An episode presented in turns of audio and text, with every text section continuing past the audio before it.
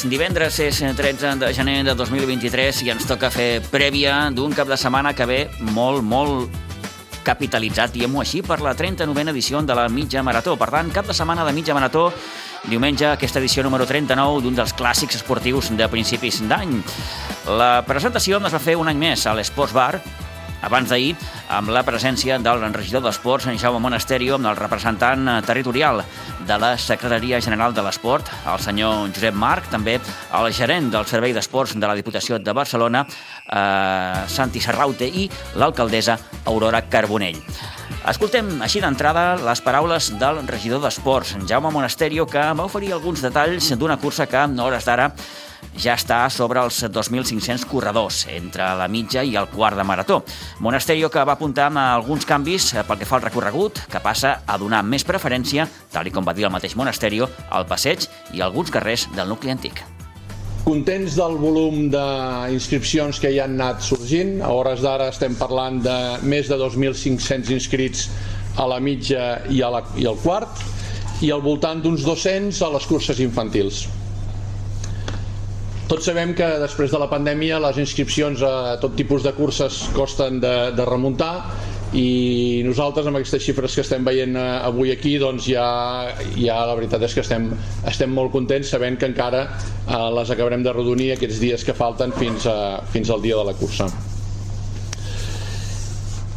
Aquest any eh, canviem de recorregut eh, hem volgut millorar algunes de les coses que teníem en l'altre recorregut. Eh, teníem alguns problemes de, de mobilitat que afectaven a algunes zones de, del nucli urbà i aquest any eh, hem fet un recorregut que el que fa és donar més, eh, més preferència al passeig i al, i al casc antic de Sitges què vol dir això? Que deixem de, de, de córrer per, per zones una miqueta més eh, amb menys caràcter i, home, jo crec que tots els corredors eh, córrer pel passeig o córrer pel nucli antic de Sitges i per llocs emblemàtics com són el, el Vinyet o Terramar doncs, doncs motiven, motiven molt més i creiem que aquest recorregut eh, serà del, de l'agrat de, de tots ells un cop hagi passat la cursa doncs haurem de fer una, una consulta a veure què, què els hi ha semblat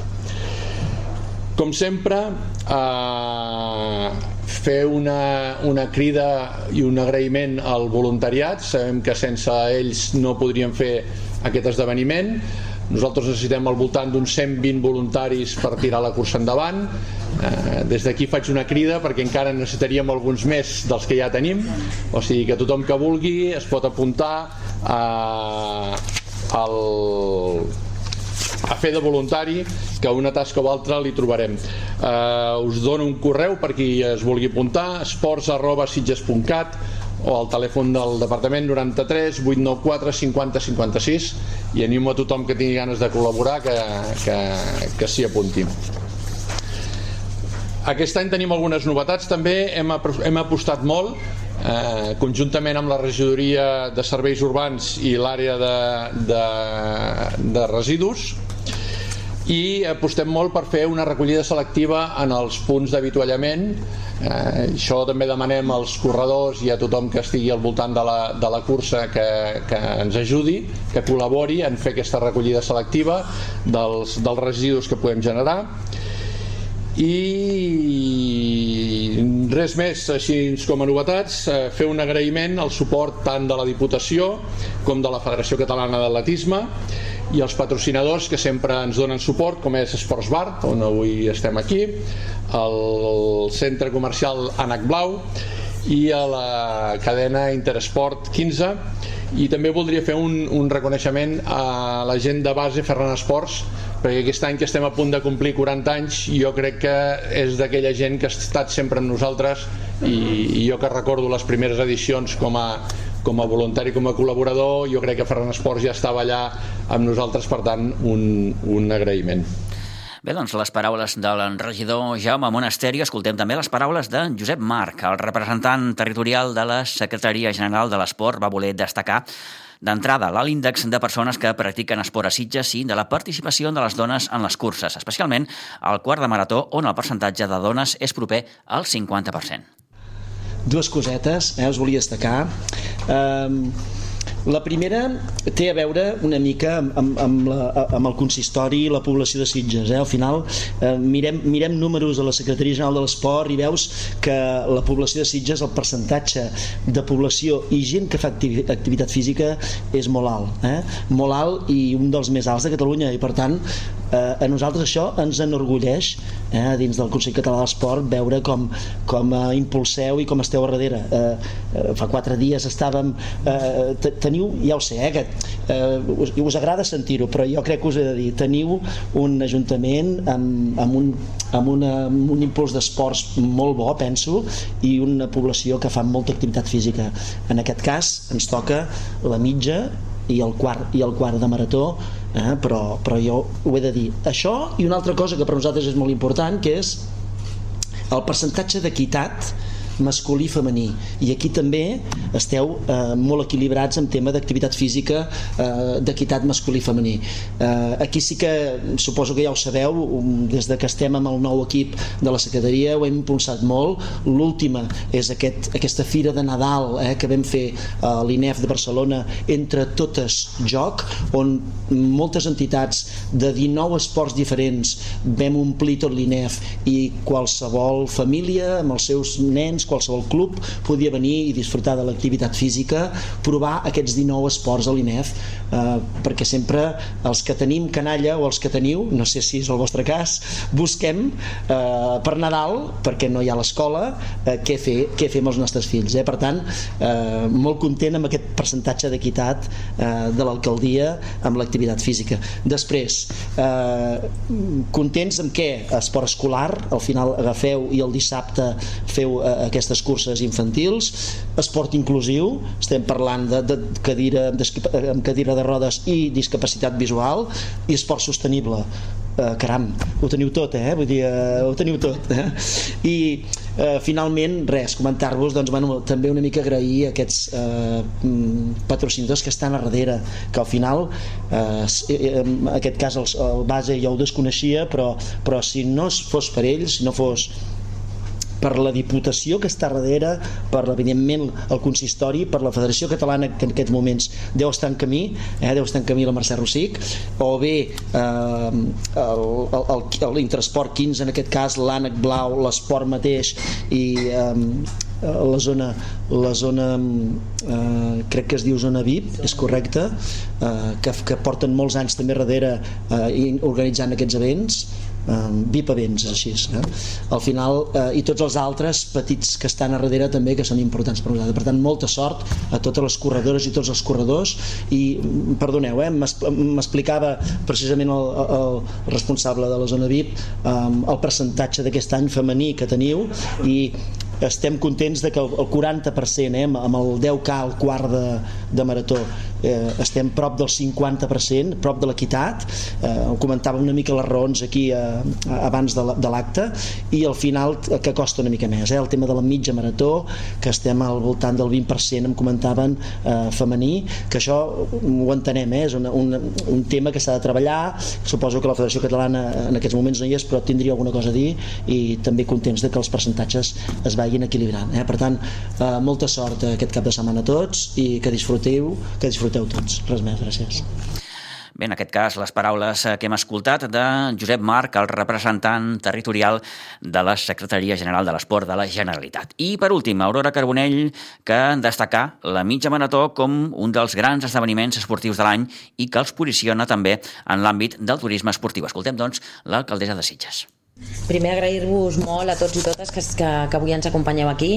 Eh, dir que la, la mitja marató de Sitges eh, no només és l'esdeveniment, podríem dir, més important de l'esport a Sitges, però com deien ara abans de la Secretaria General de la Generalitat, a Sitges fem moltíssim esport, es fan moltíssimes activitats, però realment la mitja doncs, eh, és per, bàsicament també perquè és la que portem més anys, no? 39 anys es diu aviat i són molts anys de fer una cursa que a més a més és la que inicia el, les curses no? a Catalunya, no? com som de les primeres i per tant molts esportistes tenen moltes ganes de, de córrer aquesta mitja i per per tant aquesta tradició sitgetana i esportiva doncs per nosaltres és molt important no? i poder-la fer ja en plenitud després de la pandèmia, després de totes les dificultats que hem tingut i això cal agrair-ho a tothom, a tothom que hi forma part no? a, a les institucions, evidentment la Diputació que ens dona el suport, a les empreses que, que també ho tiren endavant i com s'ha dit, com no a tots els voluntaris i les voluntàries que gràcies a ells es pot, es pot tirar endavant o, com s'ha dit, els patrocinadors, els col·laboradors. En aquest cas aquí, com estem en aquesta casa, l'Esports Bar, que també fa moltíssims anys, que no sé quants que també col·labora, o com s'ha dit abans, a, a la botiga d'esports base Ferran Esports, que també, que també col·labora. És gràcies a tots ells i a tots elles que podem fer aquestes curses. Sitges, com hem dit sempre, és una destinació turística, però també, com es deia ara, és una destinació molt esportiva i aquesta sinergia, esport i turisme, que també l'aprofitem també nosaltres ens venem com una destinació de turisme esportiu, per tant tota aquella gent que vulgui venir aquest cap de setmana, que aprofiti i es quedi tot el cap de setmana, ve a córrer però també ve a disfrutar de la nostra destinació i per tant per nosaltres eh, és, és tan important eh, el turisme en totes les seves etapes, no? abans es deia que a Sitges hi ha moltíssima activitat esportiva cada vegada més, per això també som plenament conscients de la necessitat d'equipaments esportius que tenim i en això també evidentment estem treballant. També la necessitat d'espais a l'aire lliure perquè la gent pugui practicar esport a l'aire lliure també és molt demandat i evidentment aquesta política que fem sobretot d'igualtat en l'esport, com es deia també des de la Generalitat que s'està treballant moltíssim en l'esport eh, femení, que nosaltres des de Sitges també donem el màxim suport i, i, que, i que evidentment ens enorgulleix no? i que també en, en la quarta marató doncs, cada, cada vegada també vagi augmentant més les dones, en la mitja que esperem que també però també és molt maco el dissabte, la veritat, veure tots aquests nens i nenes com comencen, que aquí sí que són nens i nenes exactament igual, eh, com aquest, aquesta amor i aquesta estimació per l'esport, pel córrer, doncs la veritat és que és un orgull eh, veure'ls. Així que moltíssimes gràcies a tots i a totes i esperem, doncs ens esperem a veure aquest cap de setmana seguríssim i a gaudir de, de l'esport i a gaudir de Sitges. Moltes gràcies a tots i a totes.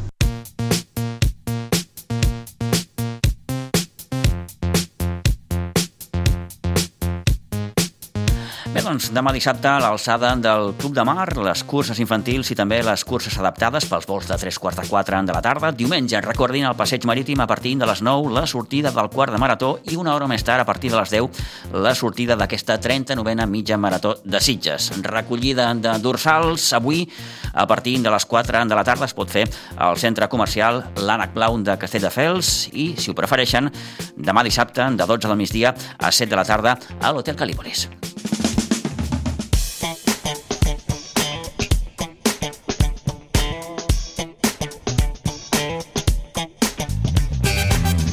Deixem la mitja marató, anem al futbol base perquè a la preferent de juvenils es disputa la 14a jornada. El juvenil de la Blanca, després de guanyar amb Manresa, en rep demà el nou Pinsbens al Sant Boià, un Sant Boià que arriba com a quart classificat i amb un balanç fora de casa de dues victòries, dos empats i dues derrotes. El tècnic de la Blanca, Raül Aroca, confia en la qualitat i l'experiència dels seus jugadors. Era una setmana difícil per tornar perquè et jugaves a vida una miqueta, entre cometes, allà a Manresa, que era un rival directe per, per la permanència, però, però és que jo penso el mateix que pensava al principi, és un equip que, que a nivell de qualitat i a nivell d'experiència que ja la tenim de l'any passat, crec que podem estar a la meitat alta de la taula. No? Ara toca un altre objectiu, és salvar-se, és fer les coses bé per salvar-se com l'any passat, però crec que si fem les coses bé hem de sumar punts. Queden, si no, si no m'equivoco, dos partits per, per tancar la primera volta. Jugueu dissabte aquí al Nou Pinsbens contra el Sant Boià, un equip difícil, està a la part alta de la classificació, i tanqueu la primera volta jugant al, al camp del, de l'Ull de Cona, que és el penúltim. Sí. Mm, anem a pams, com veus el partit de dissabte? Bueno, jo crec que, que és el mateix que li dic a la plantilla, o sigui, a casa hem de sumar de 3 en 3, perquè és el nostre camp i és l'any passat vam aconseguir la permanència, perquè fórem, si no m'equivoco, l'any passat no sé si vam arribar a sumar 9 punts. O sigui que dona igual al rival que vingui, serà un partit difícil, com sempre, o sigui, la preferent no, no hi ha partits fàcils, però hem de sumar els 3 punts, o sigui, jo estic convençut que si fem les coses bé i 3-4 errors que tenim habitualment els traiem, jo crec que som candidats a treure els 3 punts. Bé, doncs el partit amb el Sant Boià, com dèiem, des de demà es juga demà al Nou Pinsbens a partir de les 5 de la tarda. La resta de partits els repassem, com sempre, amb companyia de l'Isidre Gómez. Isidre, bon dia i bona hora. Hola, molt bon dia. Hem començat per aquest juvenil A, però tenim la resta de partits eh, pel que fa als equips de la Blanca. Doncs pues mira, El juvenil B també juga demà dissabte a les 5 de la tarda al municipal de Sant Pere de Ribes contra el Ribes B. El cadet ens jugarà també demà dissabte a les 12.30, també al camp del Ribes eh, contra el Ribes A. El cadet B ens jugarà diumenge a Pinsbens a les 12 del migdia contra el Mascatarro A. En categoria infantil, l'infantil A jugarà diumenge a Pinsbens a les 10 del matí contra el Sant Intelsfons A. L'infantil B també diumenge a les 11.45 al camp del Mascatarro. I l'infantil C demà dissabte a les 13 hores al camp del Sant Sadurní, en aquest cas seria el B. En categoria Levi, la Levi A diumenge a les 9 i quart contra el Mar Bartra 2020 a, l'Espirall. A la Levi B demà dissabte a la 1 a Pinsbens contra el Sant Feliuenc B. A la Levi C també demà dissabte a les 12 del migdia a Pinsbens contra el Ribes B. El D demà dissabte a la 1 del migdia al, al camp de la Fundació Atlètic Vilafranca G i finalment a l'E, també demà dissabte a les 10.30, a Pinsbens contra el Castellví de la Marca A. En categoria Benjamí, el Benjamí a demà dissabte a Pinsbens a les 10.30 contra el Vilanova i la Geltrú B. El Benjamí B també dissabte a les 5 i quart de la tarda al camp de l'Atlètic Viladecans A. El Benjamí C també dissabte a les 11.45 a Pinsbens contra la Fundació Atlètic Vilafranca D. I finalment el D també demà dissabte a les 10.30 al municipal de Ribes contra el Ribes C. I com sempre començarem a les 9 del matí amb els més petits de la casa, promeses i pitufos, i a seguir endavant. I a seguir endavant. Doncs fins aquí el repàs dels partits dels equips de la Blanca. Isidre, moltíssimes gràcies, bon cap de setmana i bons resultats. Gràcies a vosaltres. Adeu.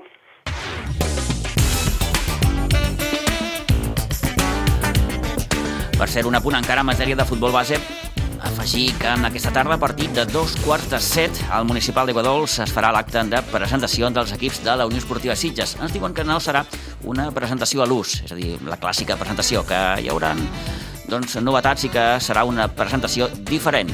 Veurem com, com serà tot plegat, però els ho recordem, avui, dos quarts de set, al municipal de Guadols, presentació dels equips de la Unió Esportiva Sitges d'aquesta temporada 22-23.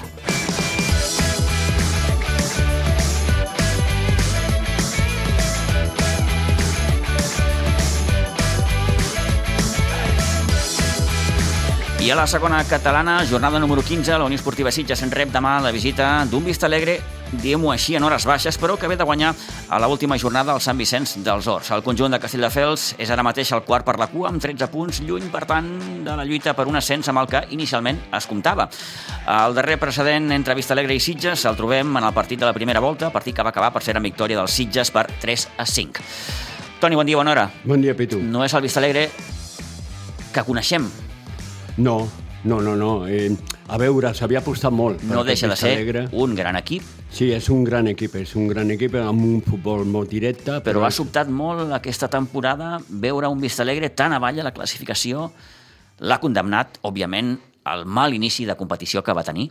Sí, perquè s'esperava més, no? I de fet té molt bons jugadors, té jugadors que contrastat i que han jugat molt en aquestes categories.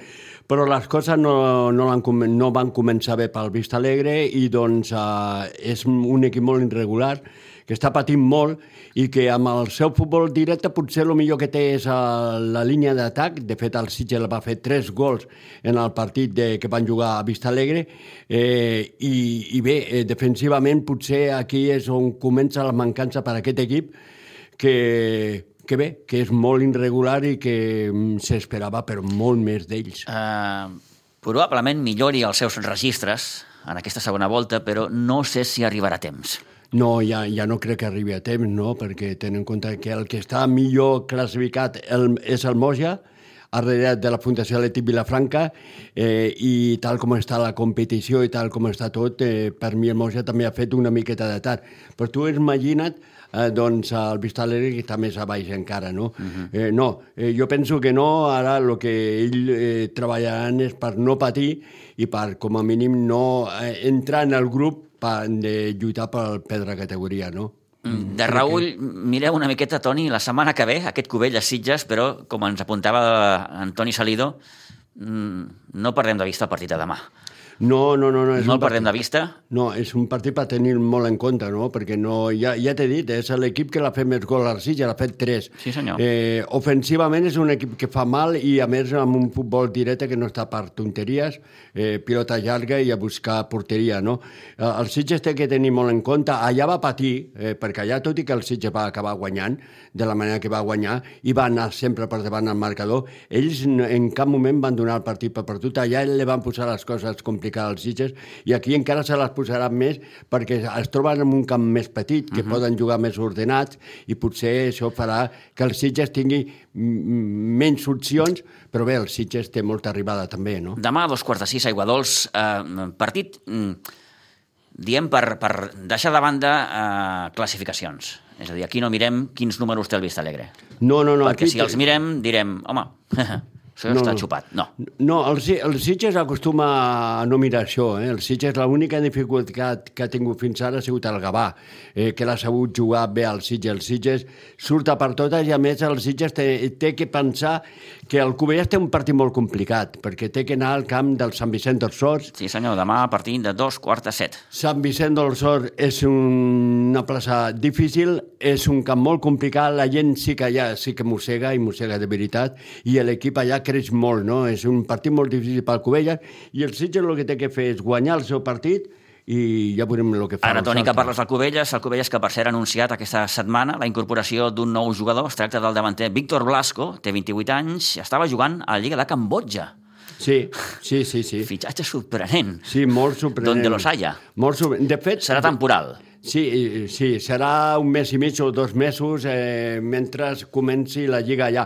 De fet, mira si és sorprenent que la notícia me va arribar a mi eh, tres o quatre dies després del dia de los Sants Innocents i pensàvem que era una innocentada. aquí, aquí me l'han fotut. I em pensaven que era una innocentada. No és cap innocentada, és un jugador doncs, que, eh, que jugarà amb el Cubelles aquest temps eh? uh Mhm. -huh. i veurem el que pot aportar. És un futbol desconegut. Sí, sí, eh, la Lliga de Cambodja, òbviament, tenim Cambodja. informació. Mm, Anava a dir poca, no, zero. Zero. Eh? Però bé, en qualsevol cas, això. un Cubelles que eh, incorpora, repetim, aquest davanter Víctor Blasco, de 28 anys. Eh, també aquesta jornada ens porta un espluguenc penya jove a partir de les 12 del migdia del diumenge i el derbi penedesenc, el Moja Leti Vilafranca. Sí, Demà sí, a dos sí. quarts de sis. Partit interessant aquest, eh? Molt interessant perquè ve la Fundació Leti Vilafranca ve de no sumar la setmana passada perquè descansava, necessita sumar com sigui per assegurar el tercer lloc. I el Moja, home, si guanyés a la Fundació Leti Vilafranca tindria les seves opcions, no? Mhm. Però per això té que guanyar el Moja.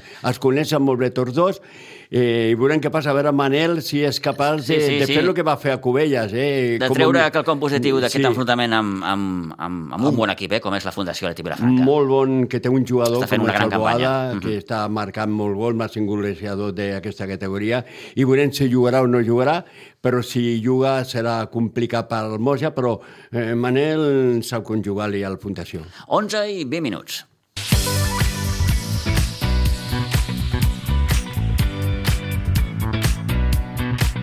I a la tercera catalana, demà, duel d'alçada al camp de la Crivellera d'Olivella entre l'Olivella i el Sitges B, partit que enfronta el segon i el tercer classificats amb una diferència de només dos punts entre amb dos conjunts.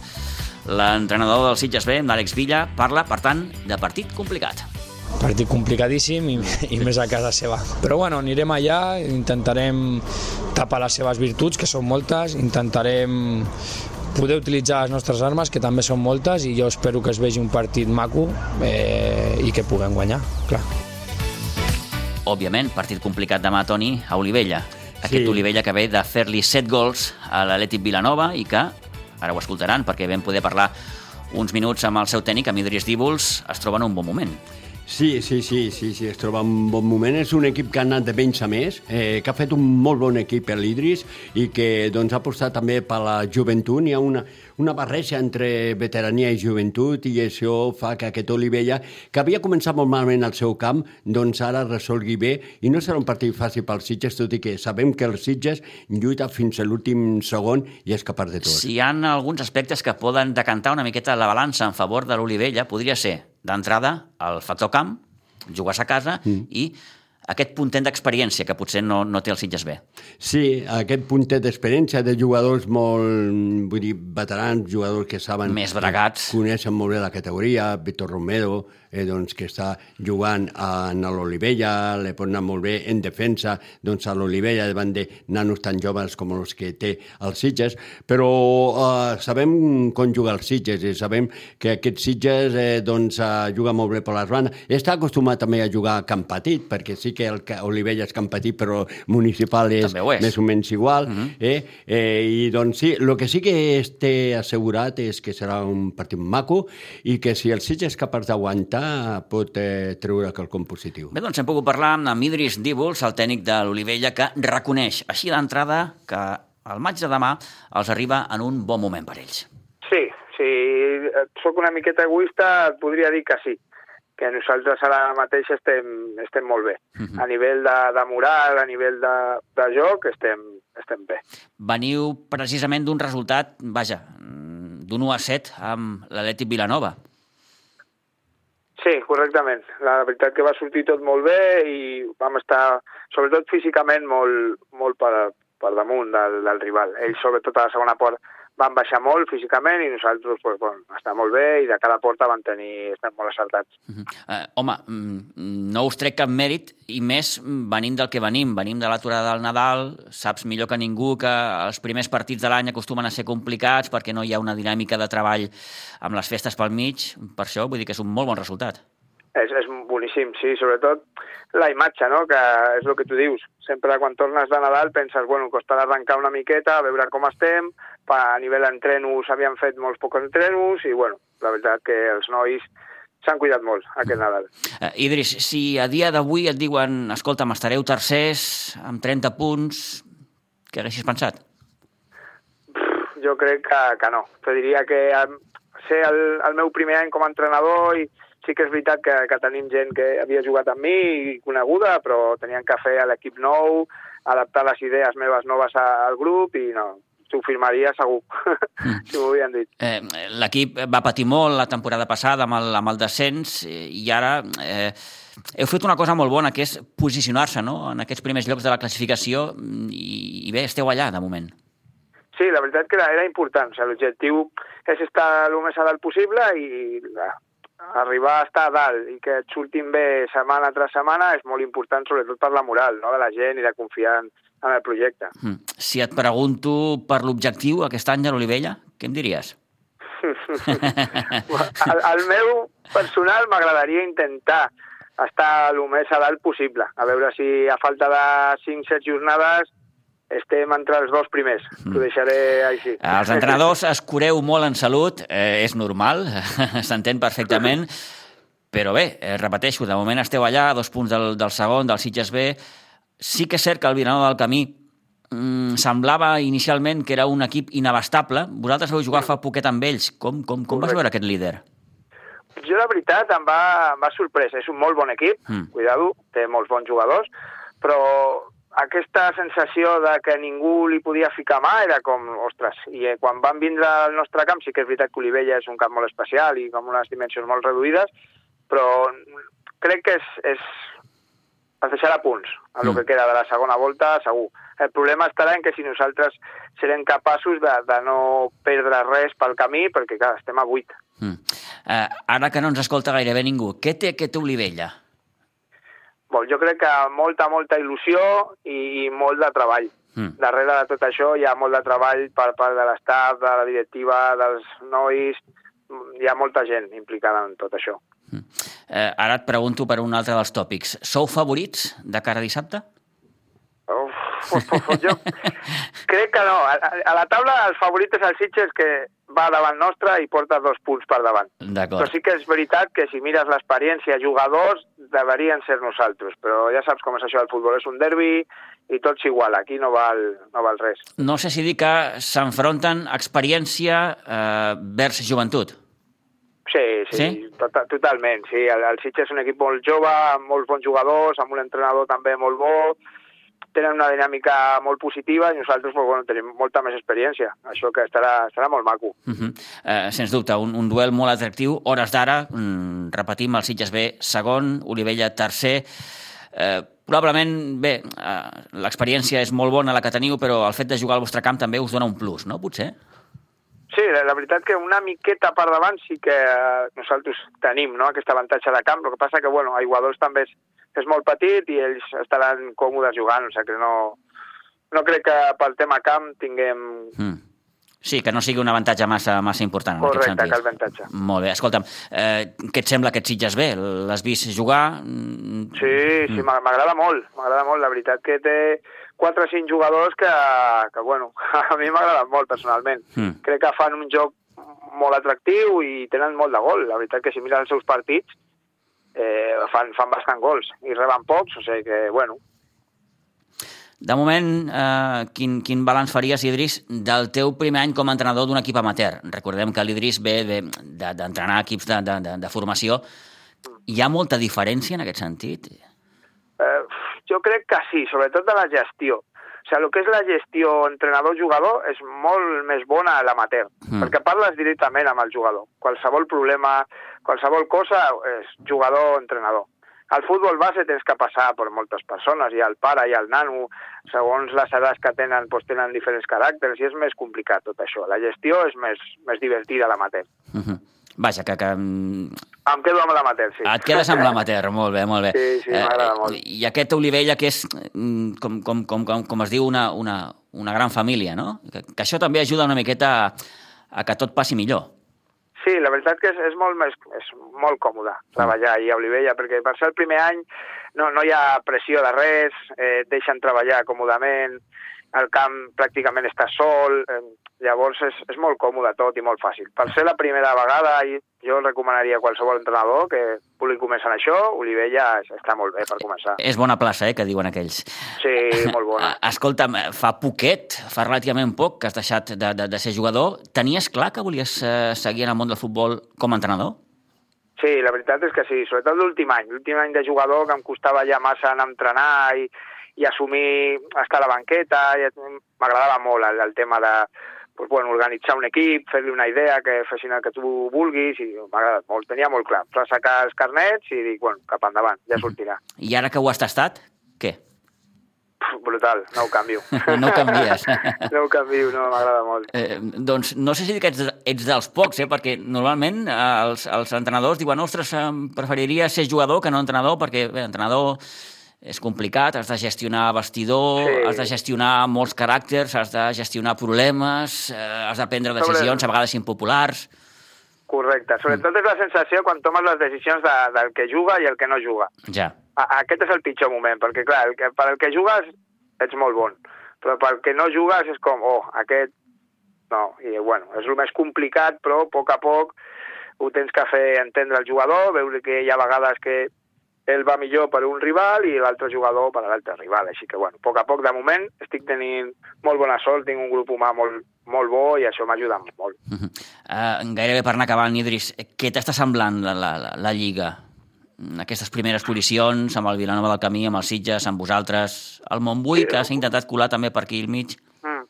La veritat que ha, a veure, hi ha quatre o cinc equipets Mm. que, que tenen un nivell una miqueta per damunt i la resta pues, bueno, són equipets pues, de tercera catalana que batallen molt, que corren tot el partit, molt intensos, i... però sí que és veritat que si analitzes el partit o els rivals tens 4 o 5, que són Vilanova, Sitges, Montbui, bueno, nosaltres, i bueno, el Ribas a mi m'agrada molt, Mm. jo, va una miqueta baix. S'ha despenjat, que- sí, s'ha despenjat bastant. Uh -huh. però la veritat que a mi m'agrada molt, molt, molt. Mhm. El Garraf està bé aquest any, de Mhm. nivell, està molt bé. Sí, sí, de moment, doncs, eh, així ho, ho dictamina la, la classificació. Bé, Idris, res, volíem eh, saber mm, com, com, com es viu aquestes hores prèvies al, al partit de dissabte contra, contra el Sitges B. Que vagi molt bé, l'únic que podem desitjar és que es vegi un bon partit i, escolta'm, mm, que guanyi qui més s'ho mereixi. Que guanyi el millor. molt bé. Gràcies, Idris. Mol, moltes gràcies, Pitu. Vinga, una abraçada, adéu-siau. Una abraçada, adéu. Bé, doncs, demà amb aquest eh, Olivella Sitges B a partir de les 5 de la tarda. Per cert, notícia important que afecta de ple el futbol català perquè el Tribunal Català de l'Esport va determinar ahir que s'han de repetir les eleccions a la presidència de la Federació Catalana de Futbol, que es van celebrar el passat 22 de maig. Àlex Talavera, que va quedar en segon lloc en els comicis amb només 26 vots menys que el guanyador, Joan Soteres, havia recorregut el procediment també havia impugnat el tercer candidat, que era Juanjo Isern. El Tribunal Català de l'Esport ha declarat 175 vots nuls i fonamenta la seva decisió en apreciar eh, un seguit d'irregularitats documentades en els diversos punts de la votació. Per tant, s'hauran de repetir, Toni, les eleccions. No hi ha data encara, però això és un, un sotrac important. Molt important, molt important, i, i l'han donat la raó a, a, als soteres, eh? l'han donat la raó, eh, i bé, i ara el que té que fer, que tenen que fer és que... El que passa que si n'hi ha 100, 100 i pico de vots eh, doncs, que manipulats. El més lògic, el passa que amb això de les federacions és molt complicat, el més lògic és que el guanyador hagués sigut la segona força, sí, sí, no? en aquest cas eh? Àlex Talavera. Eh, perdó, Àlex, Àlex Talavera, uh -huh. no? Eh, el més lògic és que l'han donat la raó a Àlex Talavera, vull dir, a la impugnació d'Àlex Talavera, el més lògic és ell que hagués sigut el guanyador. Però, mm, bé, es tenen que doncs, repetir les eleccions, no sé quan serà, jo crec que no trigaran molt. Eh? De moment encara no hi ha data, però la notícia és aquesta. S'hauran de repetir les eleccions a la presidència de la Federació Catalana de Futbol. Anem acabant, 11 i 33. En hoquei patins, el Club Patí Subursitges, en partit de la onzena jornada, juga aquest vespre a partir d'un quart de nou a la pista del Vendrell. El Rugby Club Sitges, que després de perdre a València, tanca la primera fase del campionat jugant demà a un quart de set de la tarda a Pinsbens, al nou Santa Bàrbara, contra el Rugby Club L'Hospitalet. Torna també la competició de bàsquet aquesta setmana. El bàsquet de Sitges es juga demà a la pista del Sant Cugat. Ho farà a partir de dos quarts de nou del vespre. A la Lliga de segona divisió de futbol sala, el Club Futbol Sala Sitges juga aquest diumenge a un quart de sis de la tarda a la pista del Castell de Fels i en hoquei herba, l'equip de les mamis del Sitges Hockey Club juga aquest diumenge a Terrassa contra el línia 22 a partir de dos quarts de quatre de la tarda. 11 i gairebé 34 minuts del matí, deixem la prèvia esportiva i anem cap a la tertúlia.